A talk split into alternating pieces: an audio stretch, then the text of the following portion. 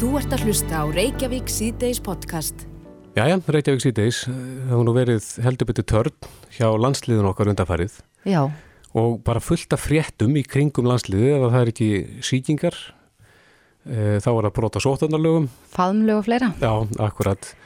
En e, margir er velta fyrir sér bara stöðunni á, á þessum málum í dag hvað, Já. og hvað tekur við.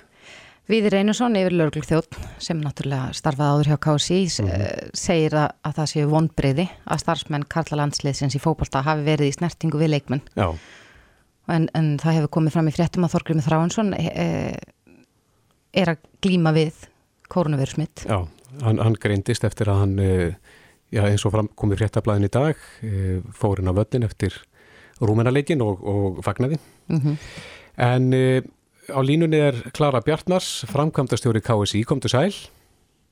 Blessuð. Finnst þér þetta, er þetta erfið mál fyrir, fyrir sambandi núna, það sem er að gerast á fjallum í fjölmunum? Já, auðvitað, en ég held hún kannski að staðan í heild sérðu fyrir okkur öll. Við erum öll orðin veiru þreytt og þráum held ég öll að geta lifað eðlilegu lífi þess sem við getum knúsast í tíma og ótíma. Já, mm Þannig að þetta er miklu starra mál heldur en, heldur en málknarsnunu sapasins. En það er líka talað um í þessu samhengi að, að þið hafi notið svona sérkjara hjá almannavatnadeildinni. Ég ætla nú kannski ekki að taka undir það. Við erum náttúrulega, það eru fleiri samskipti, við erum fleiri með, í samskiptum við fleira innan helbriðskerfisins heldur en almannavarnadeildina og hérna, við hefum átt ákala góð samskipti við alla þá aðila sem við eigum, eigum við þar innan hús, eða ekki innan hús þar heldur bara almennt í kerfinu og ég held að við byggjum á því að við erum búin að vanda til verk eins, eins og við getum gert best og við búum að því að við það er mikið regluverk í kringum okkur þannig að við erum með flestu leytir við málin, með málin í mjög góðu ferli. Þannig að það hefur hjálpað okkur í þessu öllu. Akkurat. en ég held að við höfum ekkert að vera að fá neina sér með fyrir frekar en aðra. Íþróttarhengin í heild hefur verið að ræða þessi mál og, og skoða þessi mál eins og, eins og vel eins og hægt er að því öll viljum við að það sé að börnun okkar og geti haldið áfram að, að æfa íþróttir Já. Uh, hafið þið verið í sambandi við almannavarnandeild eftir, eftir þetta atvik vegna þess að Viður Einarsson segir hérna í daga að það liggja ekki ljóst fyrir hvort að þetta hafi engungu verið brota á sko, júífareglum eða uh, þeirra undan þá eða hvort þetta sé yfir höfu bara brota á sótvarnalögum. Já, sko það hefur verið smá miskilingur í dag um það að þarna hafi tveir aðalega farið á völlin í leifisleysi. Svo er ekki. Þessi menn voru nákvæmlega sem það máttu vera. Það var ekkert, ekkert í okkar regluverki eða öðru regluverki sem bannar það. Hins veður er ljóst að annað er var grímulaus sem er brota á regluverki Júfa Mhm. og minnst okkur annað er var ofnála kleikmannum með þann ondarmörku og það reglu sem gilda hérlendis. Mm Þannig að það er klárlega um brota að ræða og við höfum, við höfum ekkert, við höfum engur afsakamir í því. Það var bara umfallega ekki nógu vel að verka í staði hjá okkur. Nei, kallar þetta á einhverja breytingar hjá ykkur? Hvort að hafa einhverja afleðingar sem slíkt, það, það verður bara tíminulegi ljósan. Það var, það var sérstakur eftirlismæður frá Júfa á þessum leikjum. Já, Hvað kemur fram í skýslu viðkomandi, get ég nú ekki sagt fyrir hann að þá. nei, en kallar þetta á breytt verklag? Það náttúrulega er, törnum er búið núna heim, í heimaleikjum og við munum án efa fyrir, fyrir nógumberleikina, þá munum við fara betur yfir þetta og, og reyna að herða ennfröngur á okkar fólki en þetta er orðið langu tími, við erum allar um þreytt og, og, og erum við, já, við svona kannski eigum, gleymum okkur öll stundum að í, í nándinni og með grímurnar og þetta allt og Mhm. við munum reyna að gera betur vissulega. Mm Já, þú talar um novemberleikina. Uh, er, hvernig er landsliðið í stakk búið fyrir þessa næstu törn sem er framöndan? Já, það er bara verður tímin að leiði ljós. Þetta eru líki leikmenn hjá okkur sem hafa áttuð meðsli og, og nú fyrir eitthvað þjálfvarandi sem svara til um það en við vonumst auðvitað til þess að fara í, í þá leikin með, með okkar sterkasta lið. Framundan er gífulega mikið vægur leikur gegn ungurum á útvöldi og það verður án efa harðurslagur og Mhm. ég held að við svona við gefum okkur eitt, tvo daga til þess að, að ná andunum og svo byrjum við bara undir bóku fyrir það. Já, en, völlurinn sjálfur, þrýr leiki núna með stöttu millibili, er, er völlurinn bara niðurlótum komin? Nei, það tala um það að þessi skurði sem voru gerður í, í sumar út af þessum hérna, vökunar, vökunarlögnum að það hafi ekki gengið upp eins og sérfræðingarnir gerður ráð fyrir. En það er nú bara þannig með grasi að það kannski gerir ekki alltaf það sem við gerum höldum. Hlýður okkur ekki. Nei. Alveg samkvæði skipulegjum.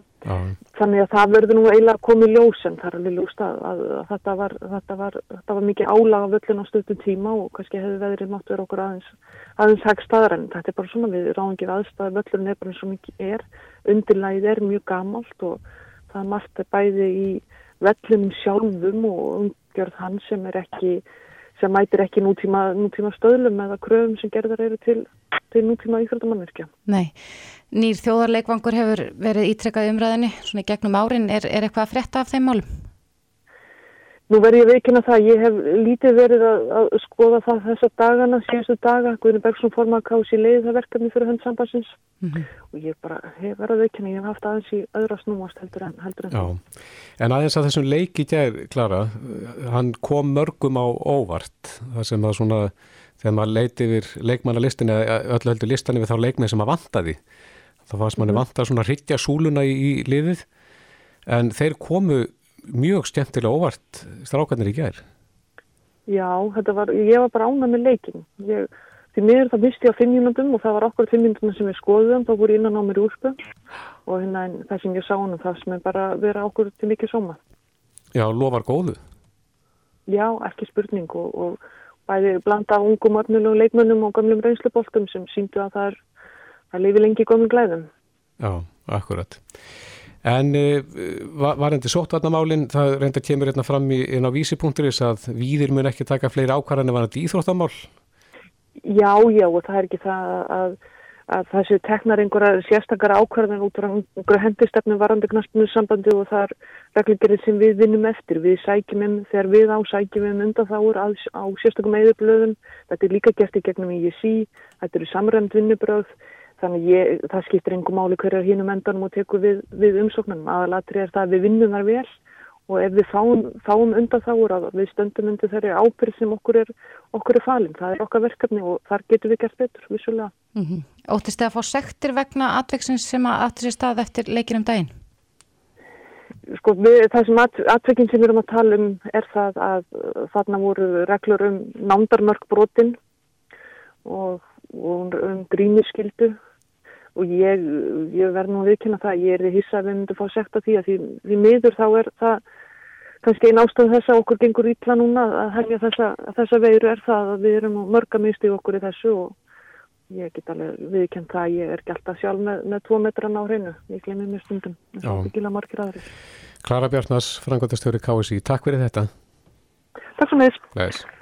Þú ert að hlusta á Reykjavík C-Days podcast. Á fundi almannavarna í dag og sótarnalegnis og landlegnis. Þar var gestur uh, nefndarinnar Sigriði Björk, mhm. ríkislörglustjóri, sem að koma inn á það að, að nú ég búið að bæta og breyta 1.2.is uh, vefsíðinni, búið að bæta þjónustuna þar mm -hmm.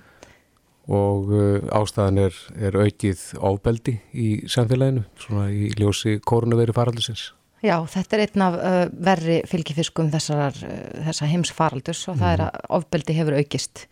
En uh, Dómsmálar á þeirra skrifaði undir samning við neðalínuna í vikunni um þetta en Áslögu Arna Sigurbjörnsdóttir er á línu, konti sæl. Sælverði. Já, þú, þetta er eitthvað sem að, já, kannski margir hafa kallað eftir. Er, er neyðin mikil núna og þess vegna er þetta komið í gang? Já, við lögum að það upp í ýmsar aðgerðir til að breyðast við auknu ofbeldi og tímum heimsvaldusins og það er að meðal að koma upp í fyrsta skipti þessari rafrænu gátt 112 og það hefur ekki verið hægt að tilkynna nema með símtali eh, einhverja neyð, eh, hvort sem það er ofbeldi eða annað. Um, og það eru auðvitað margir og kannski helst yngre kynnslóðin sem vilar aðeins fyrir sérstundum að ringja og sem finnst það svona mikið yngripp ef ætla nú kannski bara að láta vita af einhverju eða grunar eitthvað smávægilega þá finnst þeim svolítið stórt skref að ringja í 112 mm -hmm. og þetta eftir kannski að það lámarka og minga þann þröskuld og gera það enn aðgengilegra og auðveldara að hafa samband hvort sem það er vegna ábeldis eða einhvers annars. Já, hefur verið sem sagt og þú talar um að yngri kynnslóðin kannski vilja ekki eða vilja síður ringja í 112, hefur það verið kannad og, og, og þá komið í ljósa að sömur mikla þetta fyrir sér?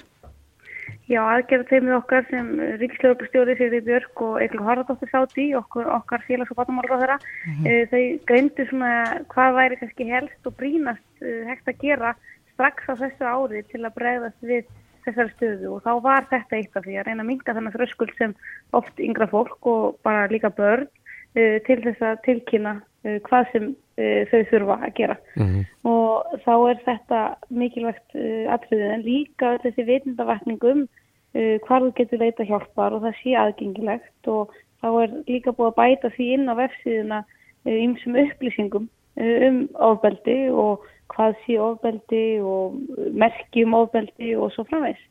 Og það er líka svona eitt af verkefnunum að bæði láta fólk þekka uh, einhver atriði sem geta komið upp og um, sem þú kannski, vilt tilkynna um einhvern annan, um, en líka þetta fyrir börn til að átt að sjá því hva, hvernig þau geta leita hjálpar sjálf. Mhm. En hvernig sjáu ykkur fyrir það ferli verði ef að, segjum, ungmenni setur sér í samband eftir þessari leið í þessu netspjalli, Í- hvað, hvað gerist? Hvert er ferlið?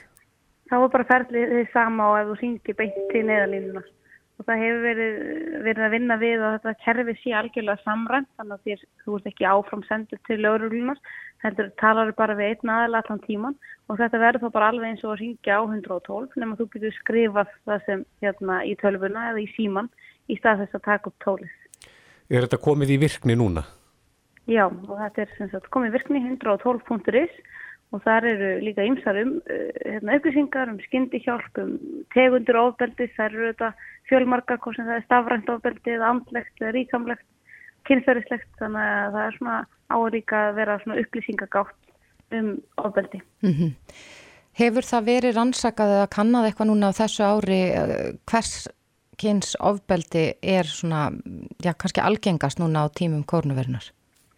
Tilkynningum vegna heimilisofbeldis hefur aukist en líka tilkynningum frá börnum og vegna ofbeldis eh, á heimilum þar sem börn eru eða gegn börnum um, og það er þetta það sem við erum að sjá verulega aukningu og sérstaklega auðvitað ef fólk er meira heima að þá er þetta afleiðingar og komast ekki í skólan og annað og þess vegna auðvitað leggjum við miklu áherslu á að börn viti hvert á að leita en líka að þeir komast í skólan og annað slíkt á þessum skrýtnu tímum. Mm því að við erum að ræða gerð- Já, fyrir ekki.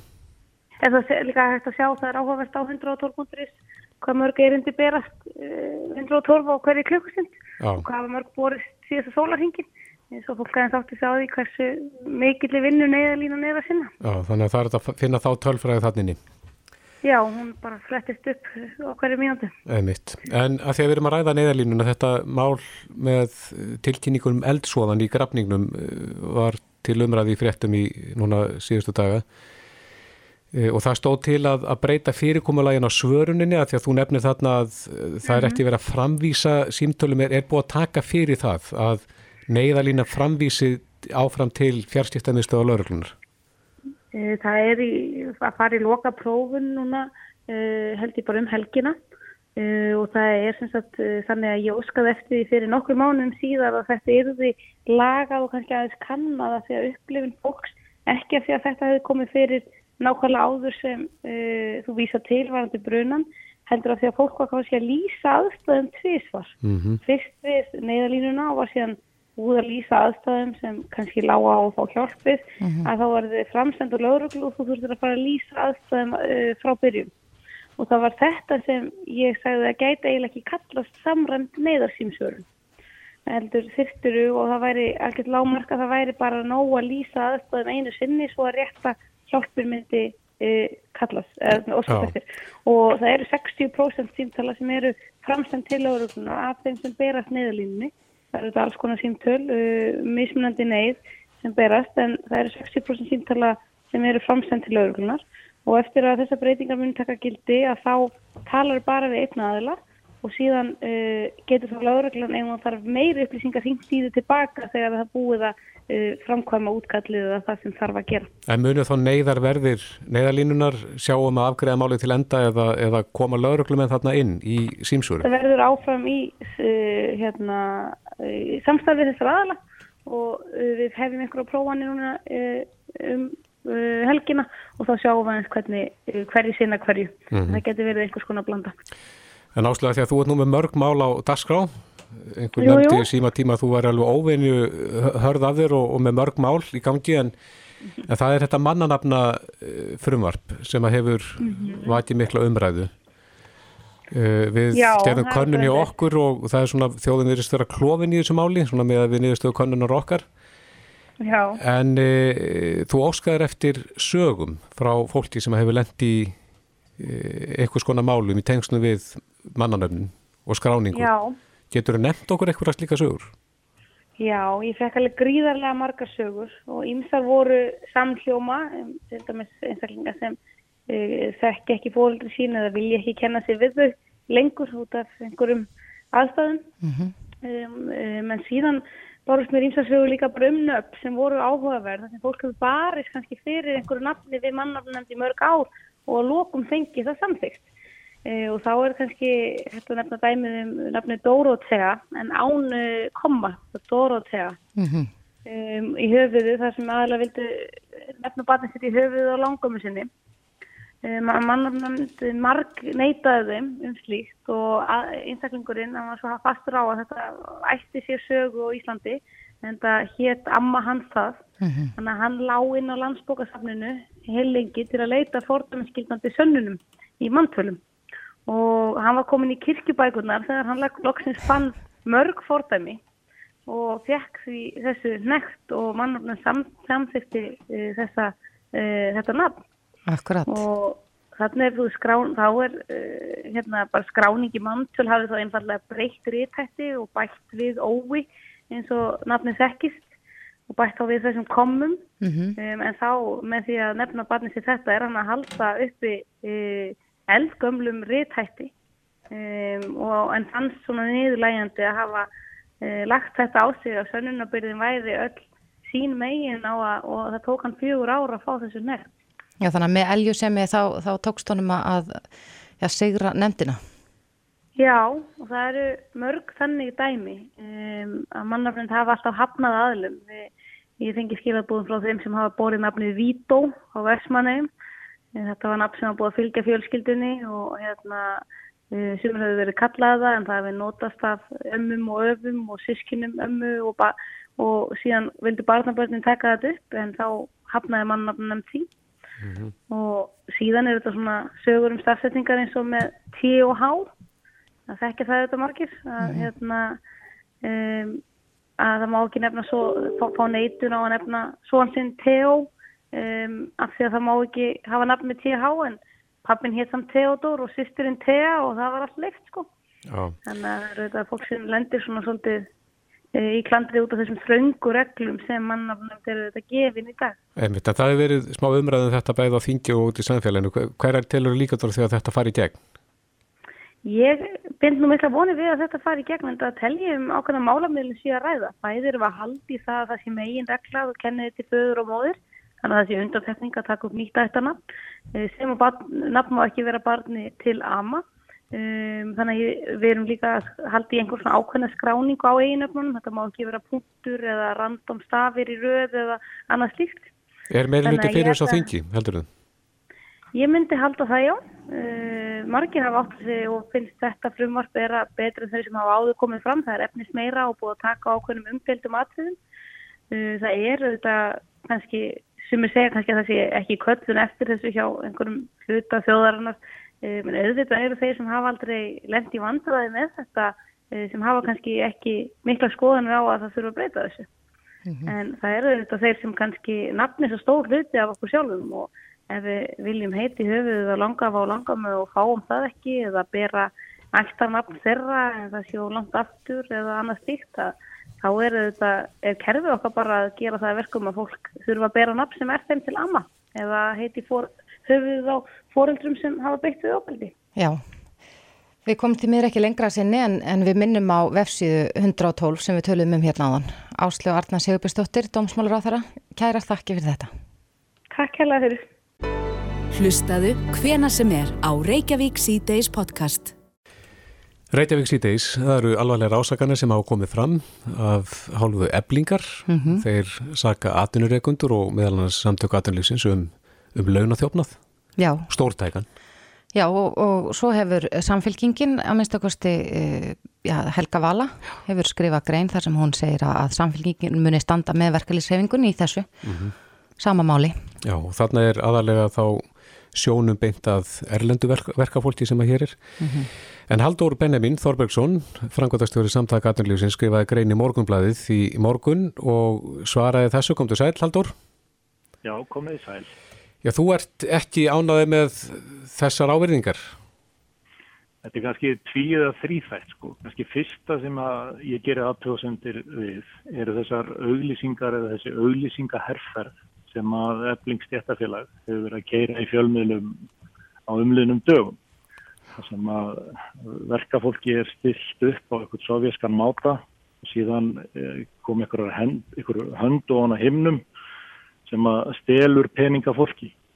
Þetta er auðvitað fjarrri lægi og þarna verður að reyna að teikna þá mynd að launþegar eða launafólk annarsvegar og atvinnureikundur séu eitthvað tveir gagstæðir pólar sem sé að takast á. Þarna er alltaf verið að lýsa einhverjum laungu liðnum hugsunarhætti aftan úr grári fórnesku sem á ekkert skilt við íslenskar vinnumarkaði í dag. Ég gerir aðtöðasendi það að það sé verið að flytja þessi skilabóð á svona almennan máta að þetta lýsi einhvern veginn sambandi launafólks og atvinnureiknum. Það er bara einfallega ekki rétt. Í beinu framaldi í sömu auðlýsingu kemur fram að mínum mati á mjög ósmekklegan máta að því er haldið fram að samtöku atvinnulífsins sé að við barist gegn refsingum vegna kjærasamningsbrota sem er bara kólránt og stennst enga skoðun. Ég hef sagt að þegar að ebling stjættafélag sem er risastort stjættafélag á Íslandi fer fram með svona málatilbúnað þá finnst mér hann vera óvandaður sér í lagi í fíljósi að sambyggja aturlýsins og Alþjóðsamband Íslands áttu sætt í samarháðshópi ráðherra, félagsmálaráðherra þar sem að var niðurstaða nefndarinnar og þar með fulltrúa ASI og SA að grýpa til aðgerða til þess að herða refsingar við alvarlegum kjærasanningsbrotum. Þannig að eftir að farið í gegnum þetta sínist mér nú lítið standa eftir af þessum áverðingum sem framkoma í auðlýsingaherrferð eflingar. Já, en þeir nefna í þessum texta sínum að, að sífælt fleira launafólk leitar eftir aðstóð stjættafélaga við að krefja atvinnureikundur vangoldin laun og þeir tala um að þessi mál hafi farið úr 200 ári upp í 700 sem er, er rífileg hækkun. E, getur á þetta ekki við rauka stiðjast? Það er að segja, e, eru þessa kröfu bara lausu lofti greifnar? Það eru og hefur verið þannig á Íslandi um árabil og áratugaskeið að það var reglur, með reglulegu millibili og bara jæmt og þétt yfir allt þetta tímabil komið upp ágreiningsefni við tólkun kjærasamlinga. Við hefum sagt að þetta séu kannski þrýr meginn fættir. Fyrsta lagi, kröfur sem að stjættafélaginn senda meðan annars til samtagatunlýfsins sem við teljum að séu ekki á rökum ristal sem er ákveðið hlutfallað þessu. Annar ángi eru kröfur í þrótabú félaga vegna vangreitur að launa en það segir sér sjálf að þau félagur að leiði gjaldbrott. Þriði flokkurinn eru síðan atriði þar sem að hvoraðilum sig hefur eitthvað til síns máls og varðar tólkun kjærasamninga sem fyrir miður í árnar ás eru mjög floknir og afskaplega langir og hverki floknar en akkurat kjærasamningar verkafólks. Og það mm -hmm. er nú svo sérstakt að meðal annars í síðustu kjærasamningslótu lögðu samtök aðtunni sem ríka áherslu á það við eblingu að einfalda kjærasamninga verkafólks verulega til dæmis í taktu það sem gerist og gengur hjá verslunamönnum sem eru með miklu einfaldari kjærasamning en ebling var ekki tilbúið til þess og við verum að hafa í huga sjáu þeim að meiri hluti íslenskara fyrirtækja og við erum yfirgnæmandi meiri hluti er með annars vegar undir 5 eða 10 starfsmenn. Og það er oft misbrestur á því hvernig gengið er frá málum. En það er ekki þannig að það sé einhvað, einhvað, einhver vítarverð eh, ásetningur sem býr þar að baki síður en svo. En setni hlutin í þessu máli snýr síðan að svona tæknilegri útfærslu. Hvernig við tökum á alvarlegum kjærasamningsbrotum sem að auðvitað eiga sér stað og það hefur verið skýr lína hjá samtökum maturlýsins að skjóta ekki skjólshúsi yfir nýja verja eh, fyrirtæki sem stundast líka starfsemi og yfir þess vegna komist fulltrúar SA í þessari samráðsnefnd ráþæra sem ég nefndi mm -hmm. að þeirri niðurstöðu að við stittum eh, auknar refsingar vegna alvarlega kjærasanningsbrota en það fylgur auðvitað ekki í sér að við getum fallist á hvaða tillögu sem að efling kemur fram. Þetta eru viðtalið eðlilegra að þetta fari í gegnum vinnumálastofnum sem að meti þessi alvarlegu kjærasanninsbrot og geti greipið til þeirra aðgerða sem að þau geta gert. En Haldur Benjamin, hvernig er fyrirkomurlægi núna í vegna þess að ég sé hér í greinni þinn að þú talar um að, að óháður aðalið stjórnvöldi eða dómstála leggji matabrót og ákveði hæfileg viðlög. Mm. Hvernig er uh, þessu hátta núna? Já, þetta fer náttúrulega yfirleitt annarkort dómstálarleið eða sáttaleið, sko, þar sem aðilar annarkort reykamáli fyrir dómstólum sem kemst á að niðurstöðu eða aðilar semja sín á milli, sko. Og það er alveg rétt að það getur verið tímafregt, en það er bara því meður þannig að það er byggð í dómskerfinu og mann getur þess að býða eftir því að málverð að vera tekinn fyrir. Það er raun ekkert sem hefur með ASI eða samt og gatablýsins að gera. Þetta er einfallega, það er bara staðan í íslensku dómskerfi. Já, er eitthvað samtali gangi milli ykkar og, og eblingar að því að þetta eru ansi alvarlega ásakanir sem að þetta koma fram og eða eh, ræðið bara sama svona í, í greinum og, og viðtölum?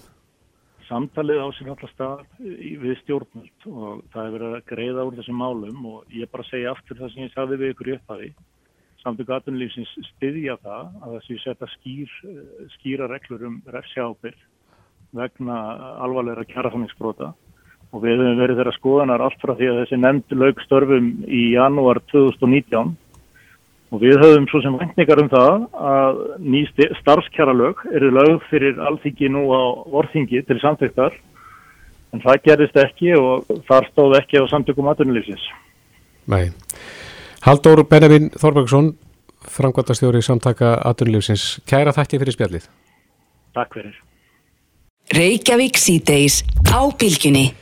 Já, ég á Reykjavík síðdeis, það er nú ímismál rætt á þingi en í óundibúnum fyrirspöldnum á þingi morgun. Þar varpaði Sigmundi Davík Gunnljósson, formað miðflokksins spurningu á fjármálaráþara, Bjarnar mm -hmm. Benediktsson, varðandi þennan kúf sem er að myndast í heilbyrðistjærfunu vegna ástandsins á landsbytalanum við höfum nefnda hér í þessum þætti að, að nú er til dæmis búið að taka fyrir ferðir, e, aðgerðir erlendis, mm -hmm hjá þeim sem að eiga rétt á því.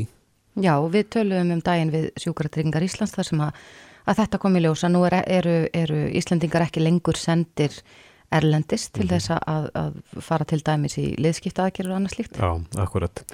Þannig að slíkar aðgerður og fleiri til sem að setja á hakanum en, en mér heyrðist eh, fjármálar á þeirra bara taka hansi vel í, í þessa fyrirspurn Sigmundur Davís. Sæl Sigmundur. Komið sæl. Ég myndir ekki Já. tólka það líka svo? Jú, mér fannst það, ég var eiginlega bara að hessa, uh, hann tók undir, fannst mér meira að minna það sem ég var að benda á mm -hmm. og maður verður bara að vona þá að það skilir sér í stefnubreitingu og, og því fyrir því betra. Því að ekki veitir af, kúfurinn náttúrulega var byrjað að myndast löngu áður en að þetta ástand byrjaði og þörfin orðin augljós mm -hmm. en, en þetta ástand núna hins vegar er bara mjög sterk áminning um að þetta þurfi að gerast. Og þá er þá er svo margt undir. Efnaðstaða ríkisins náttúrulega hefur vestnað mjög hratt á skumum tíma með þessari mestu niðursveiflu í já, 100 á segja menn. Og þá skiptir auðvitað öllum alveg að nýta fjármagnir sem best. En aðalatrið er náttúrulega sjúklingarnir og, og staða þeirra. Mm -hmm. og að þeir hafi tækifæri til þess að komast í ímið sem vegar aðgerðir. Eh, það var svo augljóst að, að þetta hefði átt að gerast fyrir þegar að við fórum að heyra tölur af því að, að menn væri sendir til útlanda í aðgerð sem þegar allt var talið kostiði kannski þrýsosinnum þar sem þau kostiði að gera hana hér. Það er hún framkvæmt í, í Svíþjóð eða Danmarku til dæmis á engastofu en á meðan má sambærleg stofnun, sambærlegt fyrirtæki á Íslandi ekki framkvæma þessar aðgerðir. Mm -hmm fyrir að geta gert það með verum sparnaði fyrir ríkið. En Sigmundur, nú hefur þetta verið þrætu eppli í langan tíma, það hefur oft verið umræð um þetta. Um, þú hefur reynsluna. Hversu lengi er svona að komast í framkvæmt í þeirri stöðu sem við erum í núna, núna allt og langi bygglistar og þess aftar? Úf, það er ekki náma vonast byrjir. Uh, hlutinir gerast oft, því miður alltaf hægt í, í politíkinu og, og kerfinu en það er að þetta búið að fá það mikla umræðu og er orðið það augljóst að maður hefði haldið að, að það ætti að vera komið í framkvæmd en núna við þessar aðstæður þá vonandi verður það til þess að menn e, leggji til hliðar svona einhverja einhver pólitískan dogma og gerir það sem er aðkallandi og augljóslega skynnsamlegt. Hvort sem er út frá hansmunum sjúklinga, heilbriðis starfsmanna, heilbriðis kervisins í heild eða e, stöður ríkissfjömmala. Mm -hmm. Þannig að nú, nú bendir allt í þess að þetta þurfa að gerast og, og gerast en fyrst og, og þess verður ég ánaður að heyra hvað fjármálar á þegar hann tók vel í þetta en þá bara skiptir öllum áli að, að við sjáum það byrtast núna meðal hans í fjárlagafinninni og í reglugjörðum og öðru sem að þarf að vera í lægi til þess að, að við getum farið að nýta fjármagnir betur og þjónumsta fleiri sjúklingar. Já, en hefði þessari spurningu ekki átt að vera vísað til heilbriðis á þeirra sem hefur nú staðið þá helst í veginu fyrir því að leita til engareikina fyrirtækja? Jú, þetta hefur við ákveðt að ræða þetta við þeirra líka en en fjármálaráðurinn var til svara í dag og þetta tengist auðvitað mjög hans starfsviði, sérstaklega núna þegar við erum að ræða fjárlögin svo það sem ég fannst að leðilegt að byrja á því að tala við hann. Hann þarf að fara vel með og, og reynir vantilega að gera það, fara vel með ríkisvíðan, fyrir skattgreðandana er nýbúin að viðkenna að það sé gríðarlega sóun í kerfinu. Þannig að ég vonaðist til þess að hann sem bandamann í þetta og, og spör hans uh, voru jákvæð hvað, hvað það var þar en þá bara spurningum framkvæmdina. Já, ég veit að þú ert ekki læknisfræði mentaður en svona við horfum bara á Excel stjálið þá hlýtur það að vera betra að, að uh, sinna sjúklingunum áður en að þeir verða ofeikir Það sjálfsögðu það er, er eflaust ódýrra sem að byrja á því sem að skipta minnamáli en aðladrið er að á meðan menn býða þá líða þeir oft miklar þjáningar og það eru ekki bara líkamlegar heldur getur orðið andlegar líka og vinda upp á sig þegar þeim er lengri tími sem að líður. Þetta er, þetta er bara svo augljóst mál að auðvitað hefða þetta að að þetta en nú fáum við þessa já, kvartningu um að kalla það sem að felst í því að við þurfum að spara, við þurfum að létta álægja þetta í skerfinu og þá vonandi gagnast það þessum sjöklingum sem hafa verið látnið býða vegna einhverja kerfistræðu. Mm -hmm. Segmundur, er, eru einhver fordæmi fyrir því að gerðir séu jafnvel tímabundnir samningar við, við sko, engaðila í helbreyðstjónustu? Já, nú kann ég ekki að nefna slíkt dæmi. Mér minnir það að, að það hefur gerðir, já, slíkir tímabundnir samningar. Mm -hmm. Væri það ákjásanleg leið fyrir að, að þínu mati að gera samning tímabundi á meðan ástandi er uh, líkt og það er núna á landsbytalanum? Það væri allavega betur en ekkert en eins og er held ég að það væri eskilegt að mun gerðu samninga til lengri tíma að það minnst að kosti 8 fyrirkomuna skulle við segja mm og mhm. samningar með ég endur skoðast uh, síðast, uh, síðast því að þetta er bara svo aðkarlandi fyrir framtíð helbriðskerfisins nú höfum við stór aukið útbyrðin helbriðismála ár eftir ár eftir ár. Þau eru orðið miklu, miklu meirinn að þau voru fyrir bara nokkur árum síðan. En, en það var ekki að sjá að fólk vildi mikið mun sjúklingarnir, ja, starfsmennir frá því sem að var uh, águrinn að þessi miklu aukning átti sér stað. Og það er bara vegna þess að það er hægt að bæta endalist í kerfið eins og fyrirvægandi landlækna enda bæta á. En ef þú lagar ekki skipulagið á kerfinu þá, þá skiptir það ekki málu og getur jáfnvel verið til tjóns að auka fjármögnun gallast kerfis. Og, og við erum ekkert að tala um að, að taka upp einhverjegna helbriðstjónust í þeim skilningi að fólki í auknum en að fara að greiða sjálft fyrir þjónustuna. Ríkið áfram, við séum almannatryggingar, við viljum held í langt flest hafa þannig að ríkið borgi eins mikið á kostur er fyrir grundvallar helbriðstjónustu fundsmuna en ríki þarf að hafa kost á því að kaupa bestu og hafkomustu þjónustuna til þess að nýta fjármagnisist best. Einmitt. Segmundur Davík Gunnlaugsson, formaður miðurflóksins, kæra þakki fyrir þetta. Takk sem bless. Reykjavík síðdeis á Bilginni podcast. Reykjavík síðdeis á Bilginni. við höfum nú áður fjallaðum fyrirtæki Keresis mm -hmm. sem að var á sínum tíma að prófa munn og nefúða, ég minnir að það hafi verið í Ítalíu sem hafi verið að prófa það, Já. sko í fyrstu bylginni, mm -hmm. en núna hefur fyrirtæki þróað þennan eh, nef og munnúða gegn COVID-19 og þetta er svona, sko fyrst held ég að, að þetta ætti að vera svona eitthvað svona lækning á sjúkdómnum, Já. en þetta er hluti af persónulegum sóttverðnum en einhverja rannsóknir sína að uh, hann eigði 99,97% af veirunni. Hvað, hvað allir maður þurfi langan tíma til þess að að, að maður andar að sér veirunni? Mm -hmm. Hvað er hún lengi að búa um sig? Hvenar er það orðið og seint? Það er að segja, hefur maður dægin til þess eða hvað, hvernig allir það virki? Já, við ættum kannski að spyrja að því. Já. En á línunni er Dóra Hlín Gísladóttir. Hún er framgættastjóri Víruksal sem er dótturfyrirtæki Keresis. Kom til sæl. Sæl og blessuð.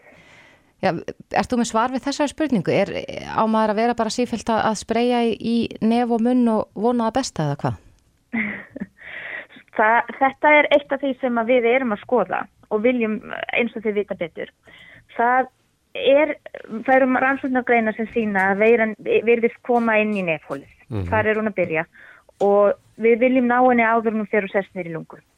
Hvað, hversu lengi hún er að fara nýri lungu er ekki vitað en við vitum að hún er líkleg til þess að velja í nefhólinu og ef þú nærðar minka veirumagnið í nefhólinu þó að einhver hluti af veirunni sé farið niður þá ertu búin að gera heilmikið gaf. Já, ertu búin að fækka þeim eða? Þá ertu búin að fækka þeim. Mm. Hindraði fjölkið sér. Hvernig, að því að Þórtís nefndi þetta á þessa tilröðun sem þú voruð að gera með, með læknum, hvernig, hverja voru niðurstöðnur þeim tilröðunum? Þessi tilröðun sem þú vísar í áðan er tilröðun á rannsónstofu og þar, þar er sínt fram á rannsónstofu að veiran er að rjúfa fytuhjúpin vitur sírurnar er að rjúfa fytuhjúp veirunar og þar með er hún að eiðilegja veiruna. Það var 99,97% af þessari ákveðinu veiru sem að eiðilegðist með þessum fytusýrum. Þannig að þið hafið skoðað þetta sérstaklega með þessa koronaveiru í huga? Skoðum þetta sérstaklega með þessa SARS-CoV-2 veiru. Mm -hmm. En er þetta komið, er, er, er þið byrjuð að selja vöruna í apotekum hér á landi eða jafnvel út um allan heim? Við, Íslandi er okkar heimamarkaður og við erum að byrja á Íslandi. Við erum að setja vöruna marka í dag. Við erum að keppast eða komin í eins mörg apoteku við mögulega getum núna og svo förum við út um allan heim. Já, já. En er það framleiða í takmörkuðu upplægi þá eða hvernig er þetta? Því að ég hef heyrt að því að þetta ekki, kemur ekki strax í öll apotek. Við framleiðum, við erum stanslista framleiða. Við erum að framleiða vörun á Ísafjörði. Það er framleysla kerisins og þar erum við að framleiða þessu vöru. Við erum með okkar starfsfólk að vinna hörðum höndum í, í stansleysi framleiðslu. En þetta kemur inn satt og við mögulega getum. Það er ekki í takmörkuðu upplægi eða, eða miklu sköndum. Þetta er bara í, við vinnum að þessu alveg jæmt út. Mm -hmm. Hafið þið, Dóra, verið í einhverju samstarfi við COVID-19 göngudeldina og, og kemur til greina að þetta verði nota þar? Við höfum verið, við höfum ekki verið í samstarfi COVID-19 göngudeldina með þróun og vörunni, en við erum með klíníska rannsókn sem er í gangi á mönnum. Það er svona rannsókn sem er með placebo, eins og kallast ennsku, eða samanburðar vöru og það er COVID-19 göngudeldin sem sér um þá rannsókn. En hún er, við erum með 180, nei, 128 einstaklinga sem eru nú þegar komnir inn í þá rannsókn og hafa fengið helmingunum fær okkar vöru, helmingunum fær uh, uh, livleisu mm -hmm. eða placebo og, og það er COVID-19 gangudildin sem sér um það. E eru komnar eitthvað að bráðabera niðurstöður og þeirri rannsókn? Við hefum ekki fengið það, þetta er, þetta er allt mjög stramt og við, við munum ná að vinna úr því á næstu dögum. Já, já. En hverju er fólk að andaða sér? Úr hverju er þetta? Hva, af hverju virkar þetta svona vel gegn þessari veiru? Þetta eru náttúrulega fytusýrur. Það eru örsmá, litlar fytusýrur og það er vel þekkt í efnafræði að líkur leikir lýsa, líkur leysir líkan og þannig erum við að vinna eins og þessir sábumolekúl sem að sábusamindir sem er að ná að vinna á því að leysa upp veiruna. Við erum að vinna með þessa sömu tækni. Þessar sérstöku fytusýrur, þær eru skautaðar og þær ná með þessum skautuðum uh, samindum, þessar skautuðu samindir ná að rjúfa himnu veirunar. Mm -hmm. Þannig að ef hún lendir í þessu fytulægi, veiran lendir í fytulæginu, þá rofnar hún, næri ekki farin í frumu sem, og fjölgar sér. Já, en þetta er tvennskonar úðið það ekki, þetta er bæði nef og svo munnhólsúði. Bæði nef og munnhólsúði. Er maður þá að gull tryggja sig, semst ef maður spreyir í nefið og, og svo í munnin, að þá er maður raun og verið að grýpa á tveimur stöðum þar sem hefði farið upp í nefhólið? Það má svolítið segja það. Þú veist að náðið í nefinu. Við, það eru vísendagreinar og við trúum á vísendin sem sína að megnaða veirun er að koma innum innum nef. Það er þar sem við mælum með þann árinni en hún fer líka, hún ferðast nýður efri öndanfæri og við, ef þú spreyjar aftur í kokkið, þá ertu að ná þeim hluta um, svona munnhólsins líka. Mm -hmm. En mæliði þá með því að, að já, þeir sem hyggjast nýta þessa vöru kaupi bæði nefspreyið og þá munnhóls úðan? Það má segja til að fá svo mesta og besta virkni þá gerir þið það. Það hendar ekki öllum. Sumum þykir jæfnvel óþægilegt að spröyta á einhverja staði. Það getur verið þægilegt að hafa nefn með sér. Þú ert að fara í aðstæður sem að þú getur ekki verið með grímu. Það er mikilvægt fyrir okkur. Þetta er eina persónlegum sóttverðin. Þú ert enda að nota grímu, þú ert um hendurnar þú ert að sóttreinsa, þú ert að halda fjarlæg. En í sumum aðstöðum þú getur ekki nota grímun, þú kannski ferðin að veitningarstöðu tekur niður grímuna. Eða, já, mm -hmm. þú ert í skiptiherbergi, þar sem oh. þú þarfst að taka þig grímuna og fara úr, og skipta um klæði. Það er ákveðin aðstöðu sem þú hreinlega getur ekki. Þá mælum við með að þú metir þetta. Hugsanlega viltu hafa munnuðan heima, en nefnúðan með þér, hvað sem þú fer. Mm -hmm. Og hvað mælið með að þetta sé notað ofta á dag? Hvað endur skamtur er lengi? Við erum að mæla með að þú spreyir í rauninni tvisasunum á dag í munúðanum og að þú sért að spreyja eftir sextunum á dag með nefúðanum. Ertir þetta slímhúðina í nefnu? Það gerir, ætti ekki að gera það fyrir megnaða fólki. Ef fólk er með ofnæmið þá er þetta þarf það að vera eh, vakandi mm -hmm. fyrir því. En, hvernig... en það hafa engar, við hefum nú þegar fengið, það hafa enga, engin tilvik komið úr rannsókninni sem er í gangi á landsbytarnum. Mm -hmm. Það hefur engin alveg tilfelli komið upp. Allt okkar áhættum er, er að þessi vara er örug. Vi, við þekkjum það, þetta er byggt á sáróða sem við þekkjum vel, mm -hmm. engin tilfelli hafa komið upp. Við þekkjum þess að teknir vel. En kannski að lókum Dóra, er, er þessi vara á viðræðanlegu verði? Getur hver sem er nálgast þetta? þessi verðin er stilt í hóf hjá okkur og við gerum það, þetta, eins og ég segi, þetta er okkar heimamarkaður og það getur hver sem er nálgast þess að veru og, og keift hann út. En Dóra, það segir hérna í frétt inn á vísi.is að, að Þórólur Guðnarsson seti stórt spurningamerki við auglista úða gegn verinu og er þá að tala um, um ykkar vöru, segir að vanti, vanti rannsóknir. Já, við höfum þessar niðurstöður frá rannsóknarstöðun í Júta og niðurstöður úr notkunna Ítalíu og með þetta í fartaskinu þóttu okkur ekki stælt á öðru en að koma vörun á markað það sanna virkni í mönnum með óekendi hætti getur tekið marga mánuði mm -hmm. og við erum með þessa klínisku rannsókn í gangi á kongudeldinni og erum í byrjun að fasa annari rannsókn Er þetta eitthvað sem að þið eh, ætlið að, að kynna fyrir sóttatalækni? Hafið þið gert tilögn til þess? við höfum rauninni verið að koma þessu út og koma okkar framlýslu málum á hreint. Við erum búinn að gefa það út að við ætlum að halda vísindafund á þriðdægin í næstu viku. Þar sem við, okkur langar að kynna allir vísindi sem við höfum að baka þess að vöru og hvað hva, ákverju við erum að byggja. Og sóttvarnaræknir mun fá og hefur fengið bóða það. Og við munum bjóða þeim hverjum sem heyra vill að mæta á streymisfund. Já, þannig að þið standi fast á því að þetta virki. Við stöndum fast á því að við veitum hvernig það virkar í, í tilhörnumfljósum, að við höfum frum niðurstöður í mönnum og við teljum að það sé áhættuna virði. Við erum að vinna í frekari við, við uh, rannsóknum. Glæsum. En eins og ég sé, það tekur marga mánuði að fá óíkjandi niðurstöður, klíniska niðurstöður. Já, Dóra Hlín Gísladóttir, framkvæmtastjóri Výrúksal. Kæra þakki fyrir þetta og gangi ykkur vel. Herri, þakki ykkur kjærlega. Reykjavík síðdeis á Bilginni podcast. Jæja, Reykjavík sýtis heldur áfram. Við erum nú oft að spjalla og fjalla um heilsu, hreyfingu og annað slikt mm. og, mhm. og ég veit að það eru mjög margir sem sakna þess að geta farið í rættina, Já. geta farið í sund, mm -hmm. En sá tími mun koma aftur en þá er spurning sko hvað maður að gera í middeltíðinni? Einmitt, mikur unna það reyndar og uh, veitum mörg dæmi þess mm. að þegar að rættinni tekjana fólki að þá eru margir sem að er ekkert endilega að fara í göngutúri í fjallgöngur, þeir bara fara heim í stofu og gera ekki neitt. Mm -hmm. Það er hættan. Það er hættan. En síðan er líka sko eins og núna ég, ég hef gaman eða ganga mm -hmm. en nú er bara svo dimmt að það er, uh, já, tímarammin sem maður hefur er ekki alveg nógu langur lengur. Nei. En svo þá spurning, er ekki eitthvað sem maður getur gert heima í stofu, eitthvað sem er ekki alltaf flókið? Já, Indiana Nanna Jóhansdóttir, þjálfari, er á línunni, kom til sæl? Já, sæl. Já, þú hefur svolítið verið að íta við fólki og reyna að fá fólk til að reyfa sig. Jú, það er rétt. Ég hérna, er að gera afturröðina sama og ég gerði hérna fyrir í vor þegar lokaði. Ég bara er búin að reyðja til í stofunni Mm -hmm. og finna til æfingadínu og, og upptöku græur og er bara að byrja að þjálfa heima í stofu. Og hvernig gengur það? Þess að það gengur bara mjög vel og mér finnst þetta bara ótrúlega skemmtilegt. Þetta er einhvern veginn svona, þetta er svona tvöfald svolítið ég næja að halda áfram að þjálfa og tengja við fólki mitt svona og svo er ég sjálf að halda mig bara í æfingarútinu þannig að Mm -hmm. það gengur vel. En hvernig eru, já, þínir kunnar að taka í þetta? Er, er fólk uh, latara en það var þegar það þurft að mæta í tíma?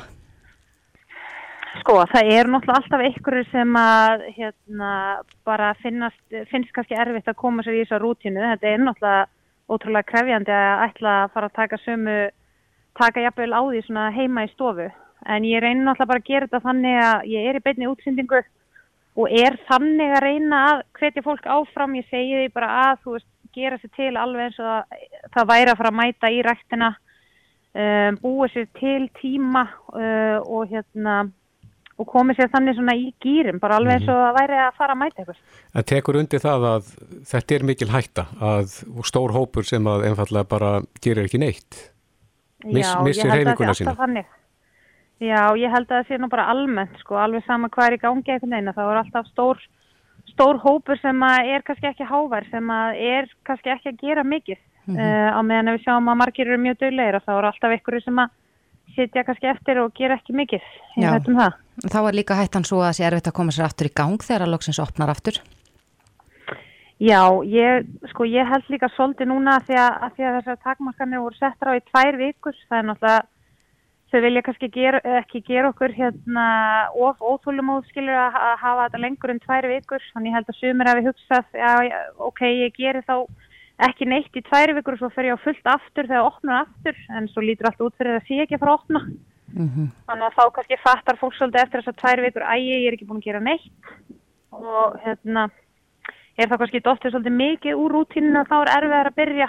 Já, Þannig ég held að sé bara mikilvægt að reyna að gera svona eitthvað smá á hverjum degi, halda sér aðeins í gýrnum til þess að ef að þú vilt síðan fara aftur á svona á stað aftur þegar að by- opnar að þá ertu ekki kannski á byrjunarreitt. nei.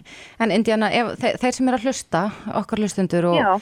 margir eru örugglega, já, langar að byrja að gera eitthvað. Myndir þú segja maður þurfa að eiga mikinn búnað eða mikið af tólum og tækjum til þess að koma sér að stað heima í stofu? Ég myndi segja bara alls ekki. Ég held að flestir sem að hafa verið að hérna, æfa bara svona almennt vita það að bara æfingar megin líkastingdi eru bara ótrúlega erfiðar og oft erfiðari en æfingar með lóðum ekki Við náttúrulega lóður eru svolítið hugsið til að bæta upp fyrir og bæta við fjölbreytileika og til þess að gera kannski seyfingar sem eru erfiðar með eigin líkastingd Mm um, og þetta er svona tækifæri kannski bara til þess að vinna þess hægar, vinna í veikleikum og bara breyta til. mm Einmitt. Þetta eru fína orð og það er að leita þig uppi með því að slá inn Go Move Iceland. Já, bara gomove.is eða finna mig bara á Instagram, það er bara Indiana Jóhans á Instagram. Já, Indiana, gaman að heyri þér. Takk fyrir þetta. Já, takk hérlega fyrir spjalli. Bless, bless. Bless.